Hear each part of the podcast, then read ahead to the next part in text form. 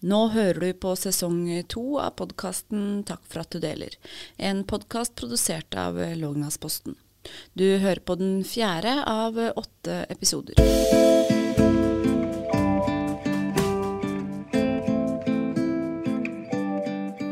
Hjertelig velkommen til sesong to av Takk for at du deler. Mitt navn er Linn Kristin Djønne, og i dag så har vi besøk av Christian Nesvang Wessel. Sommeren for eh, syv år siden, da Christian var 27 år gammel, så begynte han å føle seg i dårlig form.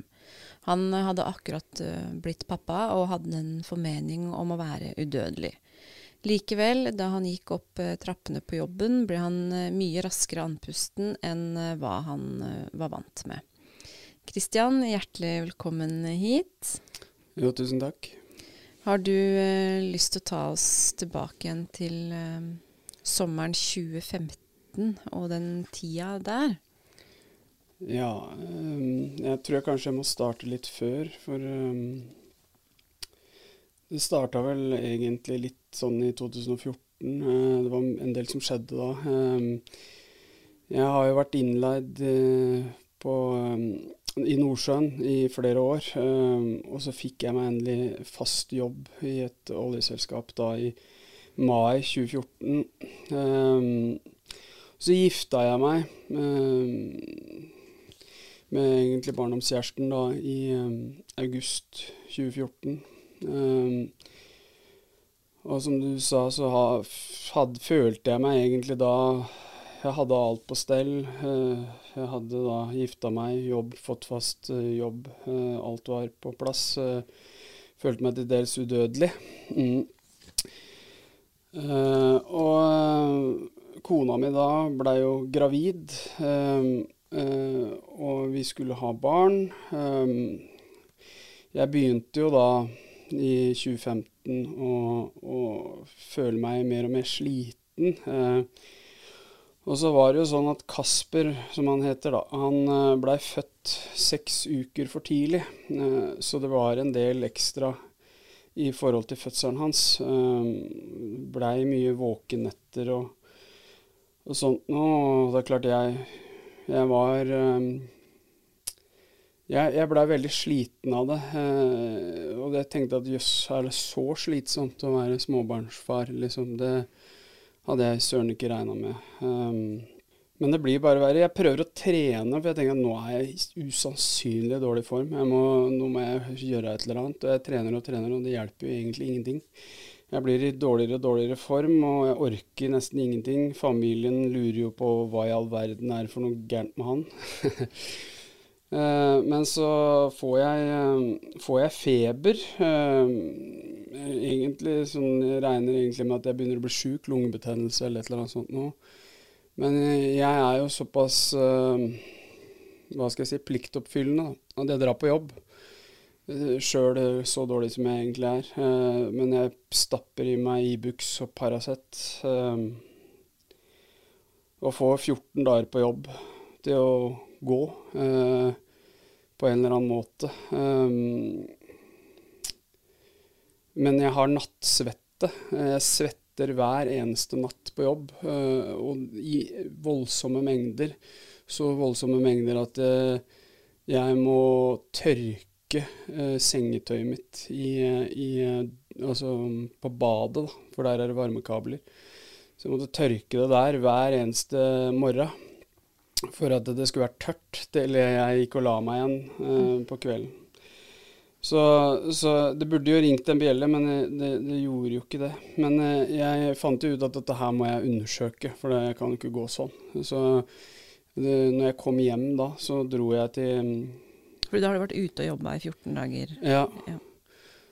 Så, så, da drar jeg Eller da, før jeg drar hjem, da, så tar jeg kontakt med fastlegen min og, og ber om en time der. Og drar til fastlegen min, og han tar en del blodprøver og sånn. og så Dagen etterpå så ringer han meg og så sier han du, det er noe rart med de blodprøvene dine. Jeg tror du skal ta deg en tur eh, til sykehuset jeg, på mottaket, og så får de ta en prat med deg der. Uh, og så kommer jeg dit, og de begynner å stille meg masse spørsmål. Altså, jeg aner egentlig ingenting, for jeg tenker at dette her er bare sikkert noe at han må sjekke opp i et eller annet, Enten om det er lungebetennelse eller noe sånt. Og jeg, for som sagt, jeg trodde jeg var udødelig.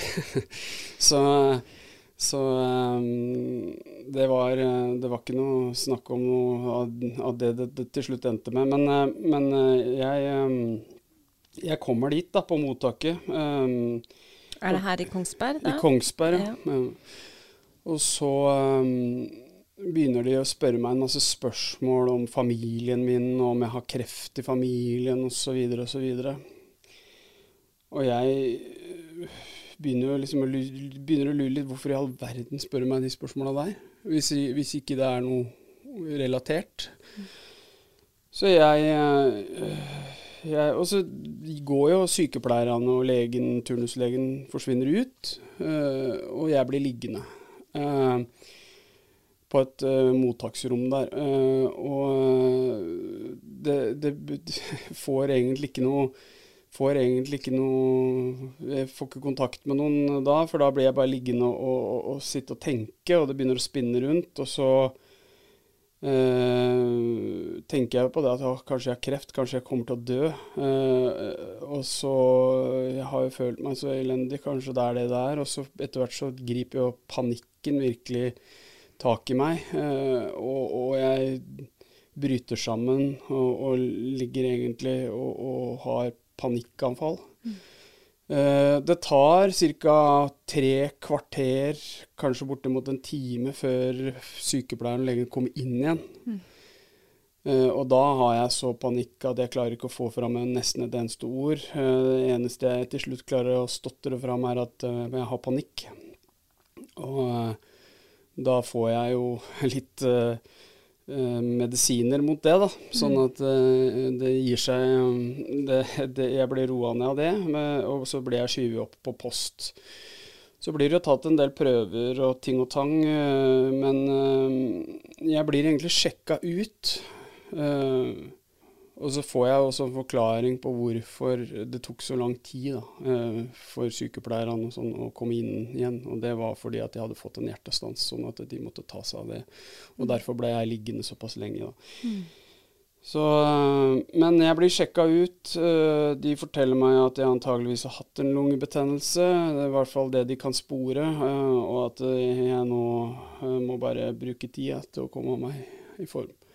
Så du får ikke noe, du får ikke noe kreft eh. Jeg får ikke noe kreftdiagnose første gangen der, nei. Mm. Uh, det har jeg også fått en forklaring på i ettertid, men, uh, men uh, det, ja. det det ender med, da, er at jeg, jeg drar hjem.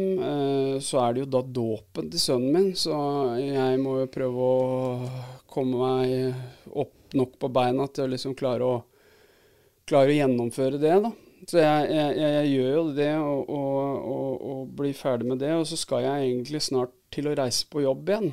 Uh, og da begynner nattsvetta igjen. Og da skjønner jeg egentlig sjøl òg at dette her er ikke noe lungebetennelse. Dette her er noe helt annet. Og da, selvsagt pga. det jeg ble forklart, eller det de lurte på sist, da, så, så skjønner jeg jo at det antageligvis er kreft. Så jeg Dra på sjukehuset igjen. Eh, ender jo da opp med å få kraftig feber, og, og de legene prøver jo da å ta prøve fra hoftekammen. Eh, og da for å, for å, se at det er eh, kreftceller i, i beinmargen. Men, men eh, det er såpass tettpakka med kreftceller der at de klarer nesten ikke å dra ut en eneste prøve. Men, eh, men de, de, klarer å få ut noe, eh, og så eh, får de sendt det, da, sånn at de får et svar på hva det er jeg har for noe. Og da får jeg jo diagnosen akutt lymfatisk leukemi med en variant som er medium på, på en måte Blir jo da sendt til Rikshospitalet med ambulanse, og har jo jeg har 42 feber, så, så, de må begynne med cellegiftbehandling med en gang hvis jeg skal ha noe sjanse. Så du blir hasteinnlagt på Rikshospitalet? Ja. Um, og får da cellegift. Og har jo blitt forklart i etterkant av sykepleierne at de hadde jo de, de, de visste jo ikke om jeg kom til å overleve uka, da. Fordi at uh, det er sånn at uh, når du er så sjuk og kommer inn så akutt, så, så enten så reagerer du på en måte positivt på cellegift, eller så reagerer du negativt. Og reagerer du negativt, så er det over og ut innen veldig, veldig, veldig kort tid. Nesten snakk om timer. Så, så, det var eh, Det sto veldig om livet akkurat da. Men husker du noe av at du kommer til Rikshospitalet? Jeg, jeg, jeg, husker det jo. Eh, jeg husker spesielt feberfantasien, og jeg så ting som ikke var der. Ja, det var uh, ganske spesielt. Uh, men det er klart i den fasen hvor du da ligger og ligger, så er det klart at det, er masse som forsvinner. Men, men, men, jeg husker jo de hovedtinga, kan du si. Men jeg begynner jo da med, med cellegift og, og, får behandling for det. går da i noen måneder med, med, med, behandling. og så så samtidig der da, så, så, har jeg kontakt med jobben min, øh, fordi at jeg er jo nyansatt og er jo egentlig redd for å miste jobben nå, ikke sant. For jeg har jo da landa drømmejobben min, så jeg hadde egentlig da Det var jo en veldig sånn viktig faktor for meg. Um, og eh, da får jeg egentlig veldig grei beskjed av arbeidsgiver om at det der skal jeg ikke tenke på, for jobben er der uansett for meg når jeg, når jeg er frisk nok til å komme tilbake på jobb. Så nå må jeg bare ta meg av helsa. Så, så, det var veldig greit. Uh, og så blir jeg da behandla i, i, to måneder. Og så får jeg da en beskjed uh, på sengekanten ved siden av en annen pasient som jeg blir kjent med. En, en pasient som er i starten av 20-åra og så har lymfatisk kreft. Um, og um, de forteller meg da at uh, jeg er feilbehandla. Uh, jeg har ikke den mutasjonen som de i utgangspunktet fortalte meg.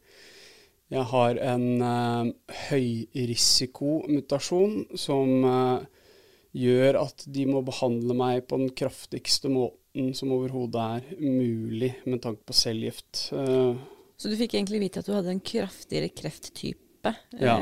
Kanskje enkelt fortalt. Så, ja, så, så, så, det de egentlig forteller meg, er at jeg har ikke hatt riktig behandling, og egentlig de to månedene jeg har blitt behandla, er egentlig forgjeves. Fordi at Og det, det, er egentlig veldig synd å høre, fordi at jeg var jo da i utgangspunktet ganske utslitt. og så skulle jeg da starte med blokkurer. Eh, og, og, og det, det, dette her får jo han andre pasienten høre på sengeposten ved siden av meg, og det vil jeg bare si at det er jo Det håper jeg at leger og sånn slutter med, at uh, det, han fikk en mye kraftigere reaksjon på det enn meg.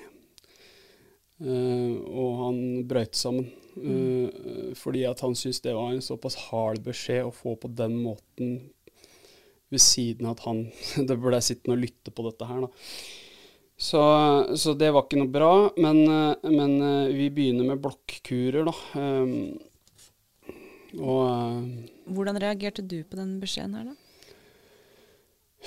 Nei, altså innen det tidspunktet der så, så, var det liksom sånn at da var alt så flytende at uh, jeg tenkte det at ja, selvsagt så måtte det være det òg, liksom, oppi alt dette her. Nå, det er jo Kunne liksom ikke bli verre. så da, det var ingenting som overraska meg plutselig. Uh, så, så, jeg begynner jo da med blokkurer, og da får jeg jo Det er jo liksom litt viktig oppi her, for jeg får jo predisolon og kortisolmedisiner som er da eh, Skal jo støtte kroppen på en måte oppi behandling, men samtidig så, så gjør det at du, du, får mange kroppslige reaksjoner. Blant annet så får du et veldig behov for å spise mat og føre i mm. deg ting og tang. Mm. Så jeg gikk jo opp veldig mye, blei veldig overvektig. Jeg fikk masse væske i kroppen. Mm. Så fikk jeg blodpropper i beina. Eh, veldig ubehagelig. Eh, så jeg måtte på blodfortynnende. Mm. mm.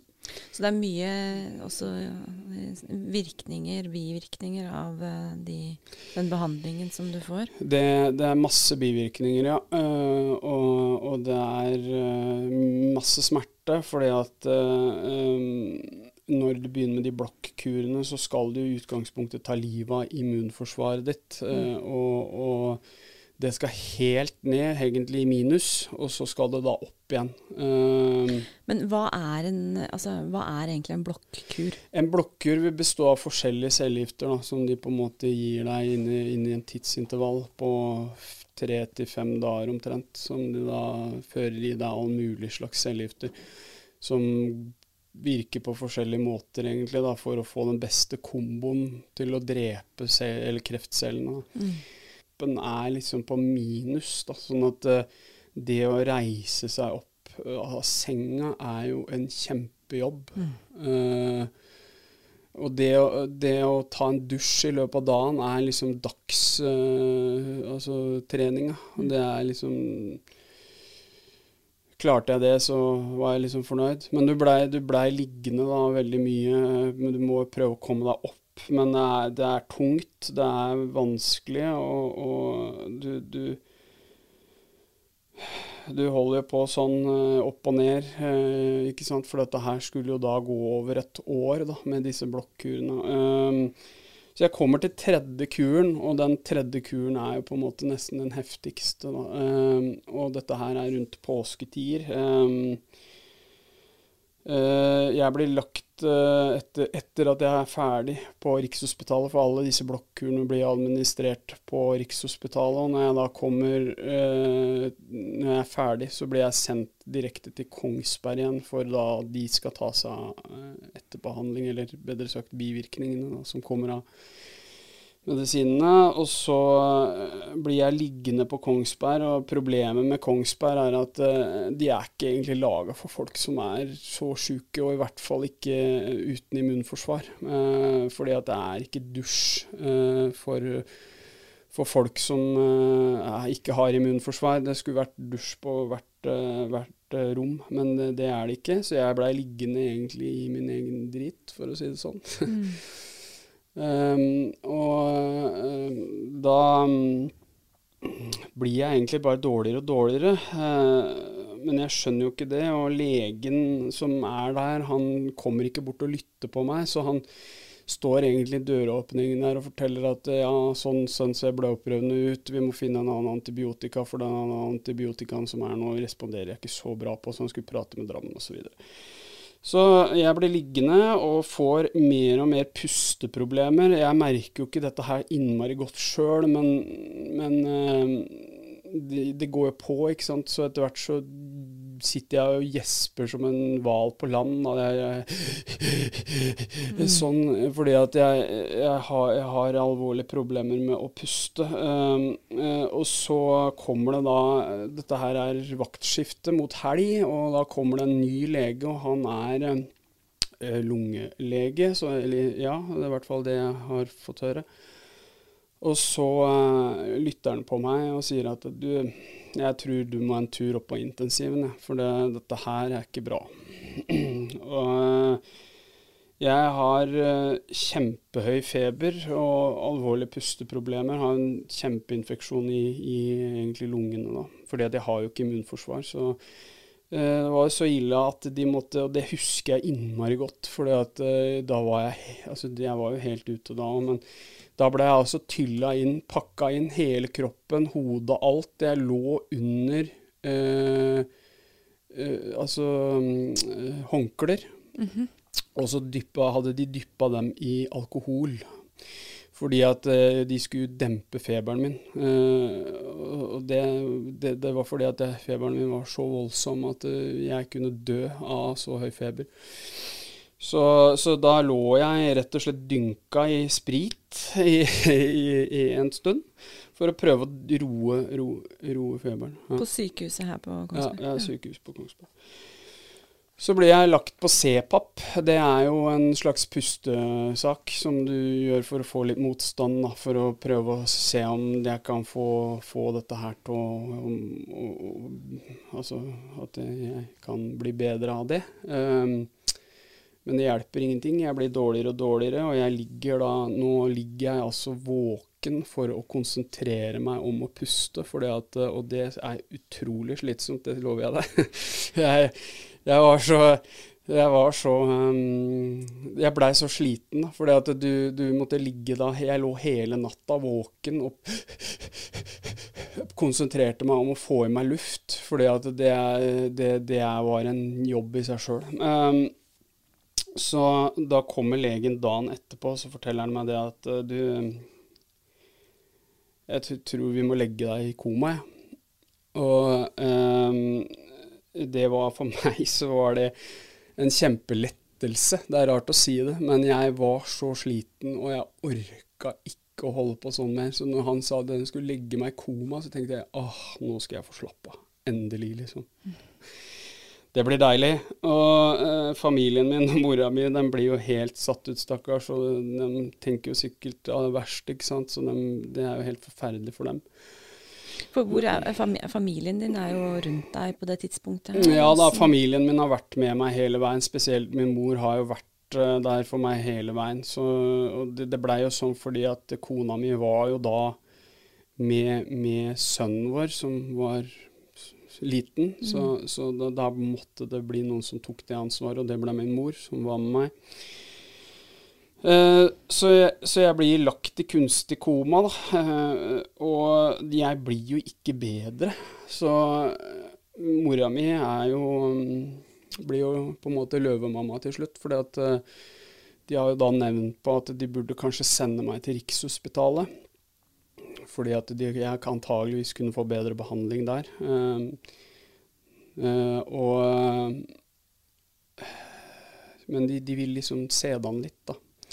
Men til slutt så sier mora mi at hvis dere i det hele tatt har vurdert at jeg skal til Rikshospitalet, så skal han til Rikshospitalet nå.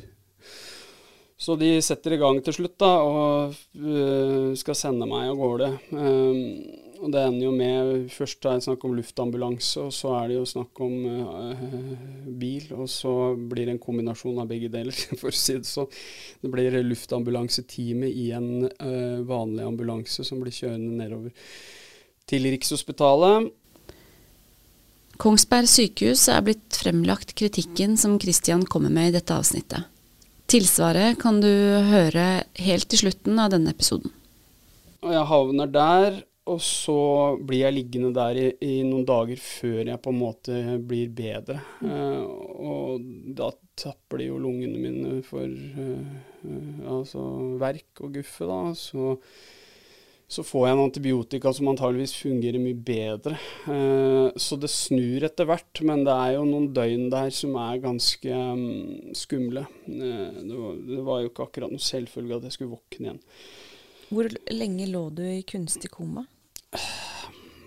Jeg mener det er fem eller seks dager eh, jeg lå til sammen. Mm. Uh, ja. Seks dager var det nok. Uh, og så um, våkner jeg jo da etter hvert, uh, blir jo vekt. Husker du noe av det? At jeg ble vekt? Mm. Nei, altså jeg husker bare en masse, fordi at jeg er dopa ned som et fjell, holdt jeg på å si. Jeg, jeg, har masse rare Det er et, uh, nesten et døgn der hvor uh, kona mi, ja ekskona mi nå da, men uh, Leo som bare det, og, og, og, og mora mi, fordi at jeg sier så mye rart. Jeg er jo helt ute i lange tider. Mm. så, så um, men jeg, jeg, har jo, jeg, har jo, ikke hatt det noe bra når jeg ligger i koma. fordi at jeg har jo hatt mareritt i en, nesten en uke. Og har løpt fra det ene til det andre, for å si det sånn. Det var masse mareritt med verdens undergang, og det var ikke måte på. Så det var jo det var voldsomme greier. Uh, og da jeg våkner da, så er jeg jo helt, jeg jo helt kjørt. Så, så jeg Kroppen har jo ligget en uke uke i, i, kunstig koma, og da beveger du ikke naturlig når du sover, så beveger du på muskel. Ting som uh, gjør at uh, du ikke svinner hen. Og uh, det hadde jo jeg da gjort i løpet av en uke, så jeg klarte ikke å snu meg i senga sjøl engang. Jeg var helt lenka i senga. Mm. Men Ja, vi, det fortsetter jo. Jeg fortsetter da med blokkurer. Øh, og, og blir egentlig ferdig med, med, med blokkurene. Og tar jo ikke lange tida, dessverre. Etter alle de harde kurene og all den smerten, så hjelper ikke det noen ting. Jeg var ikke kreftfri. Uh, jeg, jeg, jeg gikk på vedlikeholdsbehandling Jeg tror ikke det var mer enn fire-fem måneder. Jeg, da så blir jeg skikkelig dårlig. Og da blir jeg sendt på Drammen sykehus. Og da blir det jo tatt nye prøver, og da blir det sagt at jeg har et tilbakefall. Så um, da, da, er det på'n igjen, rett og slett. Uh, og så um,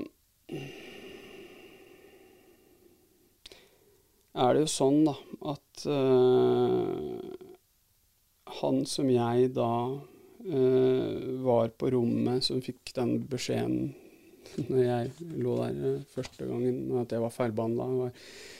Han uh, dør jo av transplantasjon, altså bieffekten av det. og det var på grunn av at han ble helkroppsbestrålt. da. Mm. Og at det gjør at han til slutt får svikt i i organene og, og, og, stryke med til slutt altså Han blir jo lagt på respirator, han òg, men han blir jo da hjernedød og, dør, mm. dessverre. Uh, og dette her påvirker meg jo veldig. Uh, jeg har jo blitt kjent med han og syns jo dette her var skikkelig fælt. Så, så så det, når jeg da får beskjed om at jeg har tilbakefall, så veit jeg jo at jeg også skal transplanteres. Mm. Uh, og jeg veit at det er bestråling, helkroppsbestråling, som uh, på en måte um, tok livet av han. Uh, så jeg gir klar beskjed at det er ikke snakk om at jeg skal ha helkroppsbestråle, selv om det er standardbehandling i, med tanke på transplantasjon, i hvert fall akkurat da. og jeg prater med, med, han som på en måte er sjef for transplantasjon, og han sier det til meg at jeg, det er ikke normalt, uh, men han er villig til å liksom det er, det er, ingen som kan dokumentere eller si at det ene er bedre enn det andre. Ja, hvis det er 40 personer da, av 100 som overlever, så skal jeg være en av de 40. Mm. Jeg skal ikke være på den andre sida. For meg så har jeg alltid vært veldig positivt motivert. Altså jeg har på en måte alltid Glasset er alltid halvfullt, aldri halvtomt. Så, så det er liksom Det virker jo som du har hatt mye fighter-modus i deg gjennom hele prosessen. Det kan du si, og over så lang tid så er du nødt til å ha det, og, og ikke minst tålmodighet. Ellers så tror jeg ikke det går, for å være helt ærlig. så nei da, så det er noe man Men man finner det jo òg på en eller annen rar måte. Så men jeg, jeg, jeg, skal altså da transplanteres. Så eh, jeg, familien min ble jo da kalt inn, fordi at de må ta test for å se om de er potensielle donorer. Så, eh, så, de blir kalt inn og tatt prøver av, og så får jeg egentlig beskjed om det at nei, det er ingen av dem som er noe særlig god match. Da ene broren min var litt Eh, det kunne til nød kanskje gjøre, men du ville heller se om de fant en ukjent donor som på en måte kunne være bedre. Mm. Uh, og så, så, jeg får jo da en ukjent uh, donor. Uh, og så blir jeg da um, transplantert uten bestråling. Um, jeg får jo da denne heftige cellegiftkuren som liksom skal ta livet av alt. Og så blir jeg da uh, transplantert med nye celler, og så må jeg opp igjen. Men jeg starter jo da på minus. Oi. Jeg starter da på minus. Så, um, så jeg må um, Jeg må da uh, trene meg opp igjen. Så jeg, så jeg Jeg drar jo på Landåsen igjen, da. Um, på rehabilitering. Eh, men oppi den rehabiliteringa Jeg går jo da på kraftig immundempende medisiner, fordi at det er noe du må gjøre en, uansett. da, Så må du gjøre det en periode, fordi at hvis ikke så vil immunforsvaret ta livet av deg. Fordi det ja, Kjemper imot. Det, ja, altså Det går til angrep på uh, Rett og slett tror at uh, organene dine f.eks. er uh, rett og slett bakterier og virus som mm. du må fjerne. Mm. Så, så, så, det blir en liten omvendt effekt på en måte av, uh, av det som er når du blir transplantert med et organ. ikke sant? For da er det immunforsvaret som angriper organet, men her er det jo heller immunforsvaret som angriper alt. ikke sant? Fordi at det er det som er ukjent, og ikke organet, på en måte. Så, så jeg uh, drar på Landåsen, og så får jeg da kraftig um, gulsot. Mm. Um, og å avbryte. Uh, blir sendt på Rikshospitalet for biopsi i levra. Og så finner de jo ut av det at uh, jeg har et uh, GVHD, da, Craft versus Host, angrep på, på levra mi. så, så jeg blir jo da sendt hjem etter hvert, og, og, blir jo da satt på enda kraftigere immundempende medisiner for å prøve å få dette her under kontroll. Uh, og midt oppi dette her, da, så er det jo sånn da at uh, kona mi forlater meg. Uh, så jeg blir sittende da egentlig aleine midt oppi alt. og det var Det er kanskje noe av det verste, faktisk. Mm. Det var ekstremt smertefullt, og det var, eh, var, mye verre egentlig enn noe som helst fysisk cellegiftkur kunne gjøre mot meg. Det var eh, Jeg sa vel det den gangen at um, jeg kan heller ta ti blokkurer til enn å være igjennom noe sånt. Mm. Og det syns jeg sier litt. Så jeg, så jeg, jeg får jo selvmordstanker, men gudskjelov, da, så så det er faktisk første gangen i løpet av egentlig hele denne serien av episoder som på en måte jeg er langt nede, sånn ordentlig langt nede. Og alt er mørkt. Um, og da um, da sier jeg egentlig det enkelt og greit til legen at du, nå må jeg ha hjelp. For jeg er jo hos legene hele tida, sånn at på en måte jeg, jeg veit hvor de er, så jeg kan på en måte bare fortelle det som det er. Og da sier jeg at det, dette her jeg, nå, nå, går jeg og tenker på å gjøre det slutt, liksom. For all denne smerten, og, og nå er jeg aleine, og dette her, det livet her er jeg ikke Vi veit ikke om jeg er interessert i å leve i det hele tatt. Mm. Um, så da blir, da blir, jeg jo egentlig Da får jeg jo en sånn hastemelding inn på DPS, og, og blir vel da Går vel fort vekk, sikkert 14 dager, da, men jeg kommer ganske fort inn i DPS da, og, og på en måte få litt hjelp til å sortere litt tanker og, og sånt noe, for det er en ganske omfattende prosess å skulle takle alle disse tingene, da. Mm. Men på det tidspunktet her så har det jo vært eh, mange år eh, egentlig med behandling og sykdom. Mm. Men hvor mye eh, mental eh, støtte, altså tilbud om psykologer, sånne ting, har det vært underveis i prosessen? Jeg vil ikke si at det er voldsomt, men det er litt altså, Sånn som jeg er veldig, veldig glad for at det er sykepleiere på, på sykehusene som på en måte tar ekstra initiativ. Så jeg begynner å trene ganske heftig. Begynner med uh, Spise veldig sunt kosthold. Um, får meg en PT som trener meg opp igjen. Eh, og selvsagt venner og familie har jo vært der hele veien og, og passa på meg. Ja, og, og eh, ja, vært en sånn De har jo måttet høre, ikke sant, for det er en av de tingene som hjelper når du har eh, Når, når du er deprimert, da, så er det det å prate om det er faktisk noe som funker. Så familien min har jo blitt prata i hjel om mine problemer. Men, men, men, det er jo liksom det som har eh, funka. Og da et år seinere så så, så forelsker jeg meg egentlig på nytt. Uh, og, og, da bestemmer meg egentlig for at jeg både skal løpe halvmaraton og dette ser jo ut til å blomstre ordentlig. Uh, jeg skal jo jobbe, begynne å jobbe på basen i, for da firmaet jeg jobber for. Uh, fordi jeg er ikke frisk nok til å jobbe offshore. Men jeg skal da prøve en 50 %-stilling på land, eh, som da planlegger. Um, så, som jeg også ser fram til. Men det går jo ikke så lang tid. da Jeg jobber da en måneds tid før uh, jeg begynner å få gulsott. Ja. Mm. Fordi sist Lågendalsposten skrev om deg, så det var jo da i 2019. Mm. Og det var jo ca. da ett år etter at du hadde fått uh, transplantasjonen. Mm. Og da sa du jo bl.a.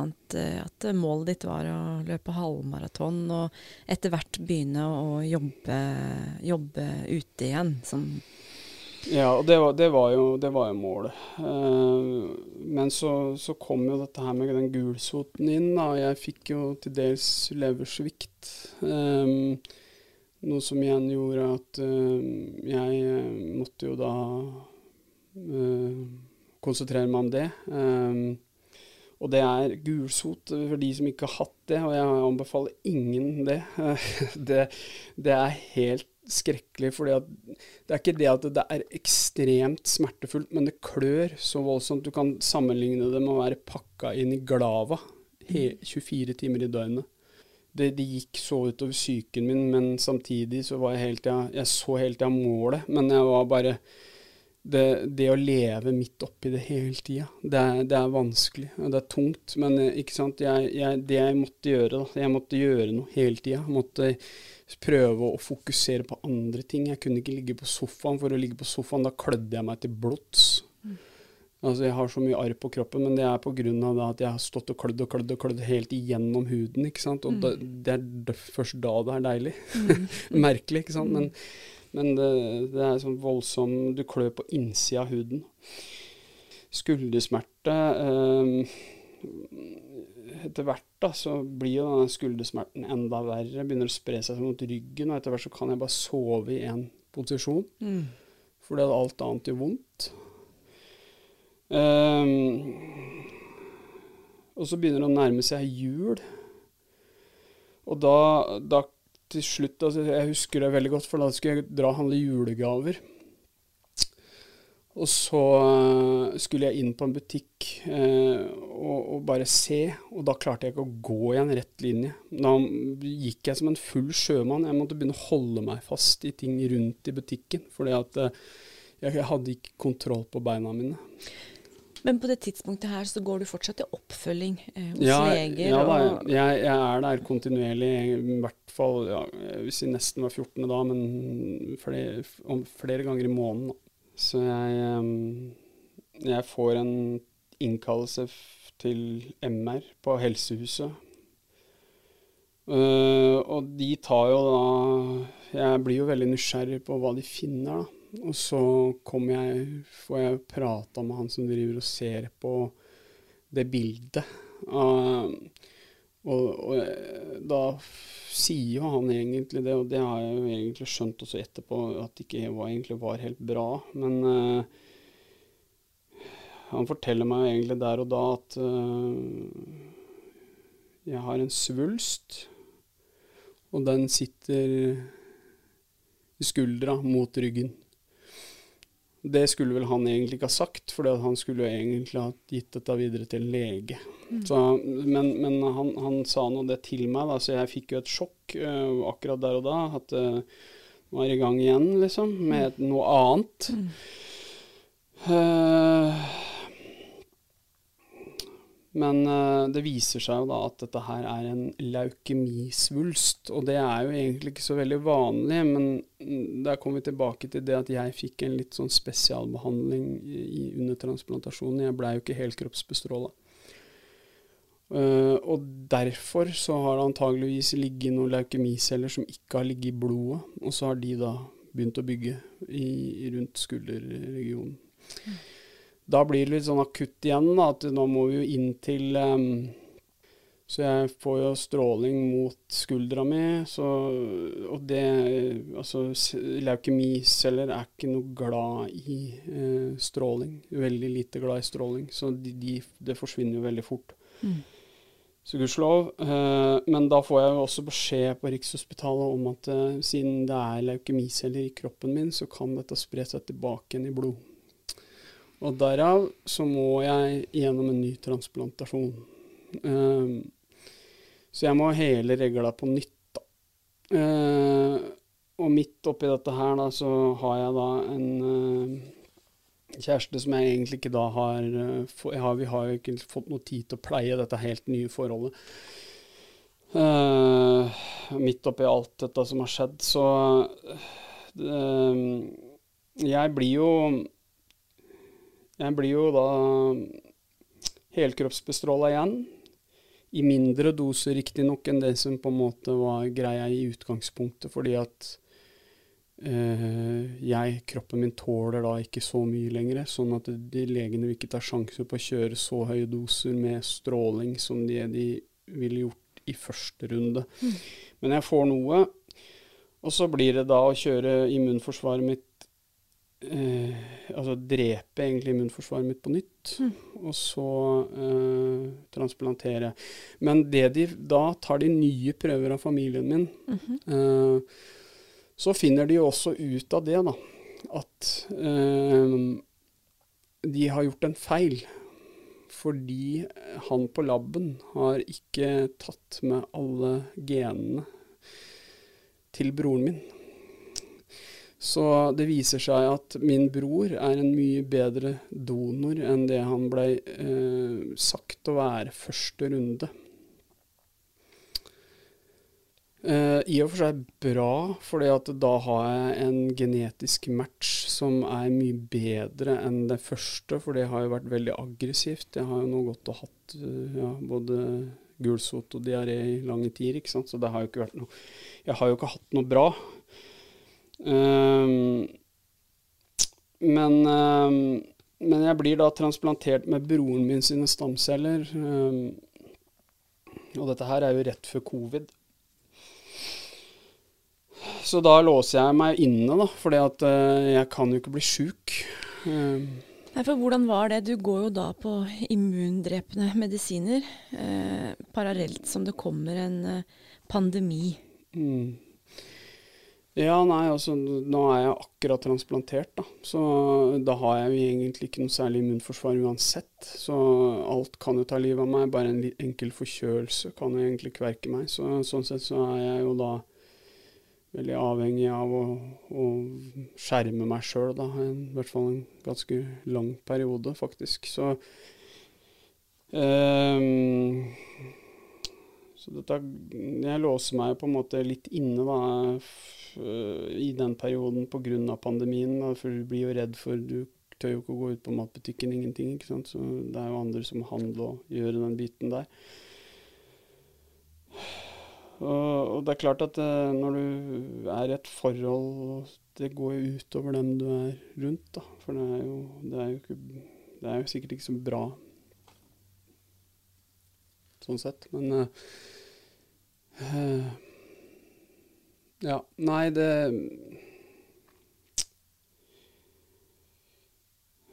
det, det det, det, var en, det, var tungt å da skulle dra i gang da for tredje gang. Uh, men jeg, jeg, jeg, var jo motivert fortsatt. Jeg skulle tilbake i jobb. For legene mine har jo egentlig lagt den ballen død og sagt at du kan bare De sa det ikke så direkte, men du, jeg tror du skal legge jobb Jeg tror du skal legge den karrieren i Nordsjøen litt på hylla. fordi at mm. det, det tror jeg ikke er så sannsynlig at du får til. Men ikke sant, sånn som jeg er, da, så sta jeg er, så, så tenker jeg jo bare det at det skal søren meg bevise at det er ikke snakk om jeg skal klare det.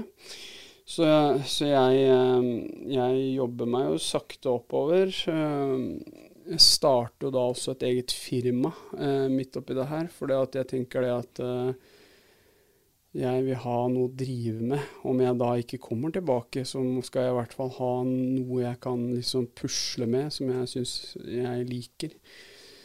Så, og det blir jo på en måte også en, en måte vei tilbake òg, fordi at eh, når jeg driver et eget firma, så kan jeg liksom Der bestemmer jeg sjøl hvor mye jeg vil gjøre.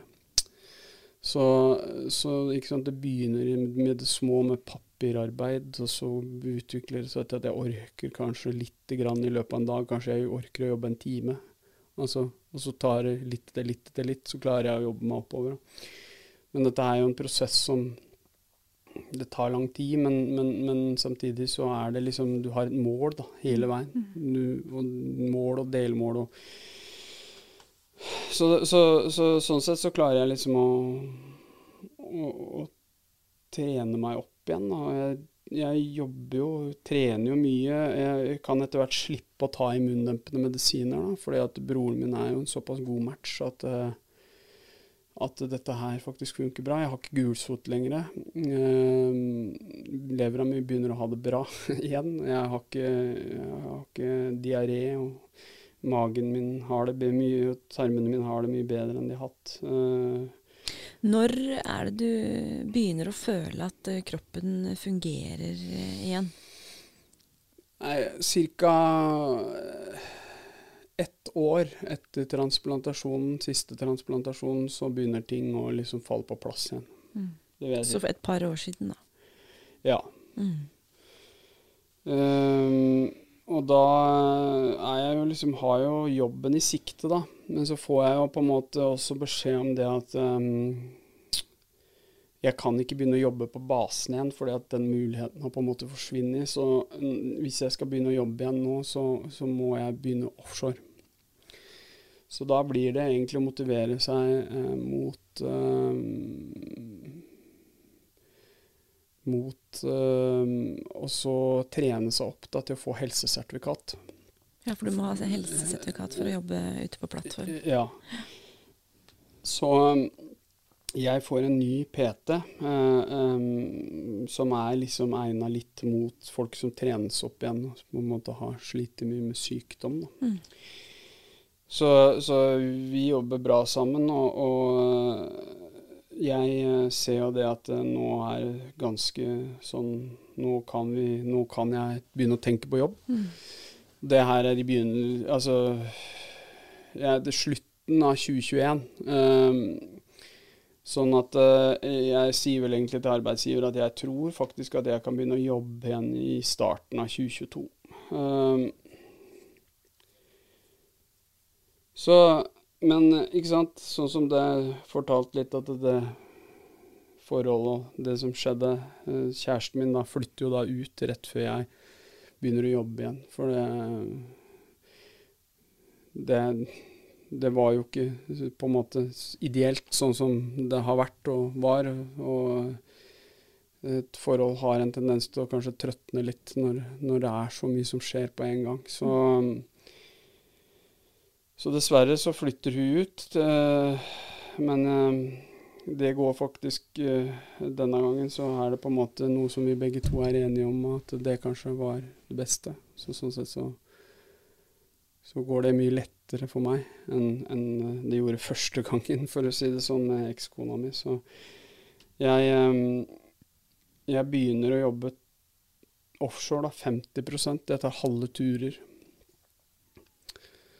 Uh, det vil si at jeg er ute på jobb i en ukes tid, da. Uh, da jobber vi tolvtimersskift. Um, så, så da er jeg i gang. Faktisk. det var det vel. Så da har du nådd målet ditt? Delvis, da. For målet mitt var jo å komme tilbake 100% Men, men det, var jo, det var jo en milepæl å komme ut dit. Det er ikke tvil om det. Det var liksom etter alt jeg har vært igjennom. For det store spørsmålet er jo nå hvordan har du det nå? Nå har jeg det veldig bra. Jeg jobber jo 100% og driver jo eget firma. Trener jo regelmessig. Altså, jeg, jeg, har det jo Jeg har det veldig, veldig bra. Eh, til tross for. Fordi at eh, det er klart, jeg, jeg, jeg, sliter jo med en del småtteri som på en måte er oppstått pga.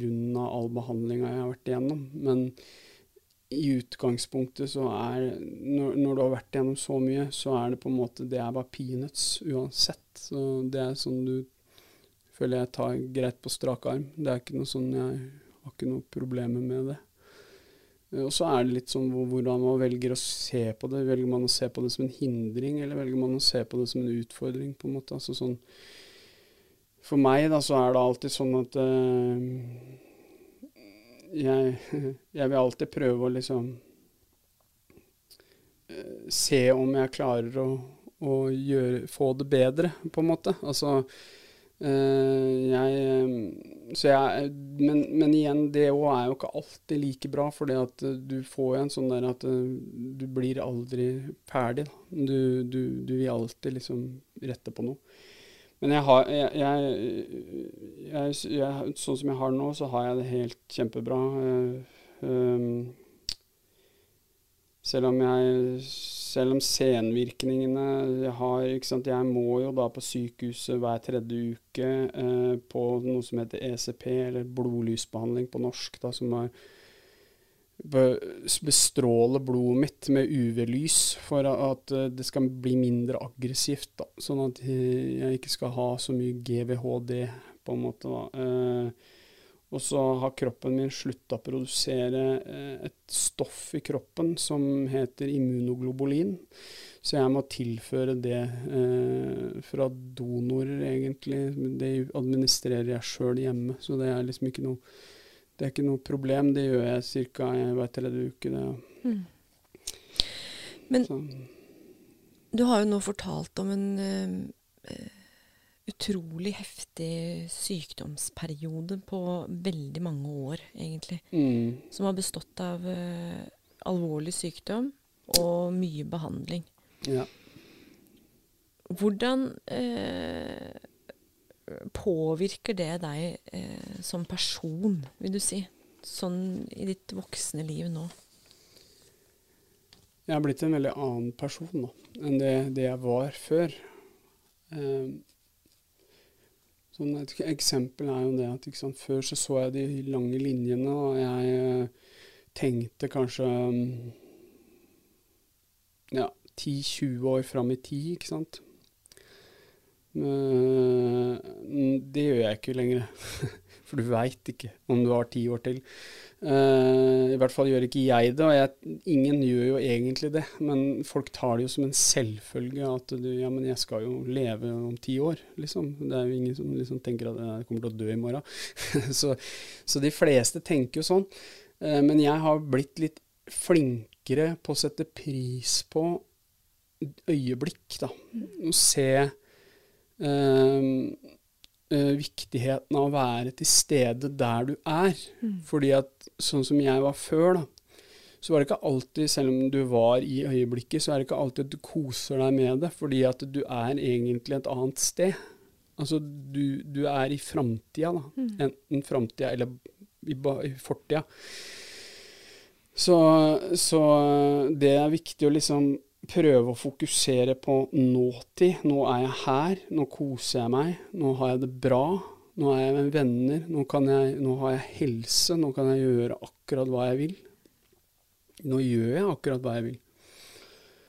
Uh, og, og, og, det er en be veldig befriende følelse å ha, faktisk. Men, uh, men det er liksom du, du, du, Det er ikke noe du ja, jeg, jeg, har, jeg, har, mått gjennom det her da, for å komme dit, for å si det sånn. Mm. Men er du redd for å eh, bli alvorlig syk igjen? Altså, jeg, jeg har jo til dels um, ja, Det blir bedre og bedre for hver dag som går. Uh, men det er klart at det, jeg sliter jo litt med posttraumatisk stress. Um, og det er jo men, men det blir trigga når jeg er sjuk. Så hvis jeg får et eller annet, får, det kan være så enkelt som en forkjølelse, så kan jo jeg begynne å trigge minner da, som jeg har fra jeg var sjuk, og så kan jeg kanskje gjøre at jeg tenker at kanskje dette her kan være noe annet.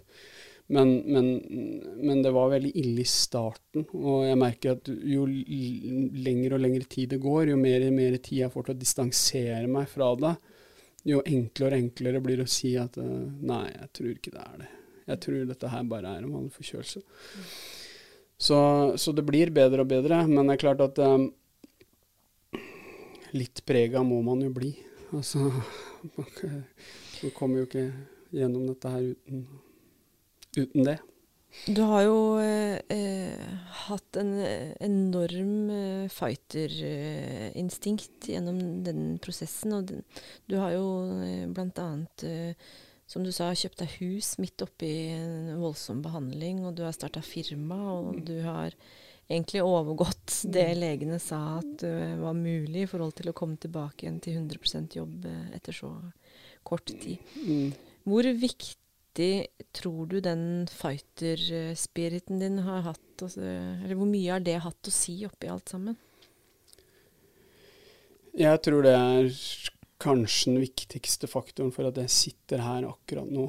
Um, det kan jeg liksom belegge litt med at jeg har På sjukehusa så har jeg på en måte delt rom da, med veldig mange andre. Um, og jeg har sett hva syke gjør med eh, om du overlever eller ikke. Og jeg kan vel si med ganske stor sikkerhet at de som var veldig langt nede, og de som ikke klarte å se lyset, altså som ikke klarte å karre seg opp igjen da, fordi at jeg òg Hver gang du får en sånn beskjed, da, så havner du i kjelleren. Mm. Fordi at eh, du, du du må ned der og kjenne på de Og så må overlevelsesinstinktet kicke inn, og så må du på en måte karre deg oppover igjen. Men, men, du, men hvis du ikke klarer det, mm. og du blir liggende nede, og du tenker at nå er det over, jeg er ferdig, jeg kommer til å dø, så gjør du det òg. Ganske sikkert. Mm. Så, sånn at uh, det viktigste uh, jeg har sett, er at uh, de som klarer å si det at jeg skal ikke la dette her knekke meg, jeg skal overleve, uansett, de er de som faktisk lever i dag. Mm. Mm. Men selvsagt så må du ha medisiner som kan hjelpe deg. Du, du, kan, du kan, ikke bare si at jeg skal overleve. Så, du, du må ha flinke du må ha flinke folk rundt deg. Du må ha familie eller venner eller noen som kan liksom være der litt for deg eh, oppi alt. Og så, og så, må du Ja, du, du, du, må, du, må på en måte ha en positiv uh, Du må klare å finne den positive drivkraften, da. For hvor mye har det betydd, altså familie og venner? Du var jo litt innom det i forhold til kjærester. at det er det vært vanskelig å ha et normalt liv, da, hvis man kan sette det i, en sånn prosess. Hvor mye, hvor mye, har det hatt å si å ha støtteapparat rundt seg? Eh, jeg, jeg, tror det også er veldig viktig. Altså, for du, du, du Innimellom trenger du hjelp, da. Altså, det er ikke bare når du er langt nede i driten og har det veldig vondt, så er, så er det ikke bare å bli Da kan man ikke liksom bare si det at det, 'dette går bra, jeg skal klare det'. Du må ha faktisk noen som står og heier litt på deg. Og, jeg, tror det, jeg tror det er veldig viktig. Og jeg er heldig. Jeg er veldig heldig som har så god familie og gode venner rundt meg som på en måte har vært der for meg. Men det er jo ikke noe selvfølge, det. Men jeg tror det at det aller viktigste er å prøve å se positivt på ting. Og så tror jeg det er viktig når man liksom havner eh, langt, langt nede, at man kanskje har noen som også heier på deg og sier at du, dette skal du klare. Mm. Du er jo nå eh, aktiv i uh, Ung Kreft. Mm. Hva er det viktigste du formidler til de som uh, kanskje akkurat har fått den beskjeden som du fikk eh, for eh, åtte år siden? Jeg tenker det viktigste er eh, å fortelle den personen at eh, han eller hun er ikke aleine. At um, selv om alt ser veldig håpløst ut, og, og, alt virker veldig, veldig mørkt akkurat nå, og at verden er skrekkelig urettferdig for, for noen, så, så er det håp. Altså det er, det er det er mange, og de aller fleste i dag overlever jo kreft. Så Man, man, men jeg, det er derfor jeg syns det er viktig å drive med sånt arbeid nå. At det å bare kunne være der og fortelle en person For det var noe jeg følte jeg trengte da når jeg, når jeg var så Det å se en annen, en annen person som har vært gjennom veldig mye, og stå og faktisk kunne leve et normalt liv etterpå. Fordi at det er vanskelig å se for seg når man er så sjuk og så dårlig at du skal bli helt frisk, og du skal ha det bra. Fordi at du tenker at nå er alt kjørt, alle planer, alle, alle, ting som jeg så for meg i livet mitt, det, bare, det, kan jeg bare skrinlegge. Kanskje jeg kan skrinlegge hele livet. ikke sant? Så, sånn sett så, så, er det veldig viktig å kunne se en, en, person som har vært igjennom det samme, mm. og, og se at det er mulig. Jeg kan komme dit, jeg òg. Jeg tror det er eh, Jeg tror det er eh, det viktigste jeg på en måte kan formidle. Tror det blir eh, de siste orda for i dag. Tusen takk for at du tok deg tid og delte din historie. Takk for at jeg fikk komme.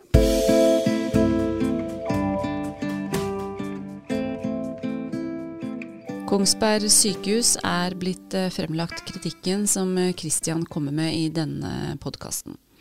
Klinikkdirektør på Kongsberg sykehus, Lukas eh, Monsson, svarer følgende. Vi beklager opplevelsen av utrygghet som pasienten og de pårørende hadde i forbindelse med behandlingsforløpet. På bakgrunn av denne saken ble rutinene i Vestre Viken helseforetak og Kongsberg sykehus endret. Pasienter med dette sykdomsbildet i dag blir overflyttet fra Oslo universitetssykehus til Drammen sykehus.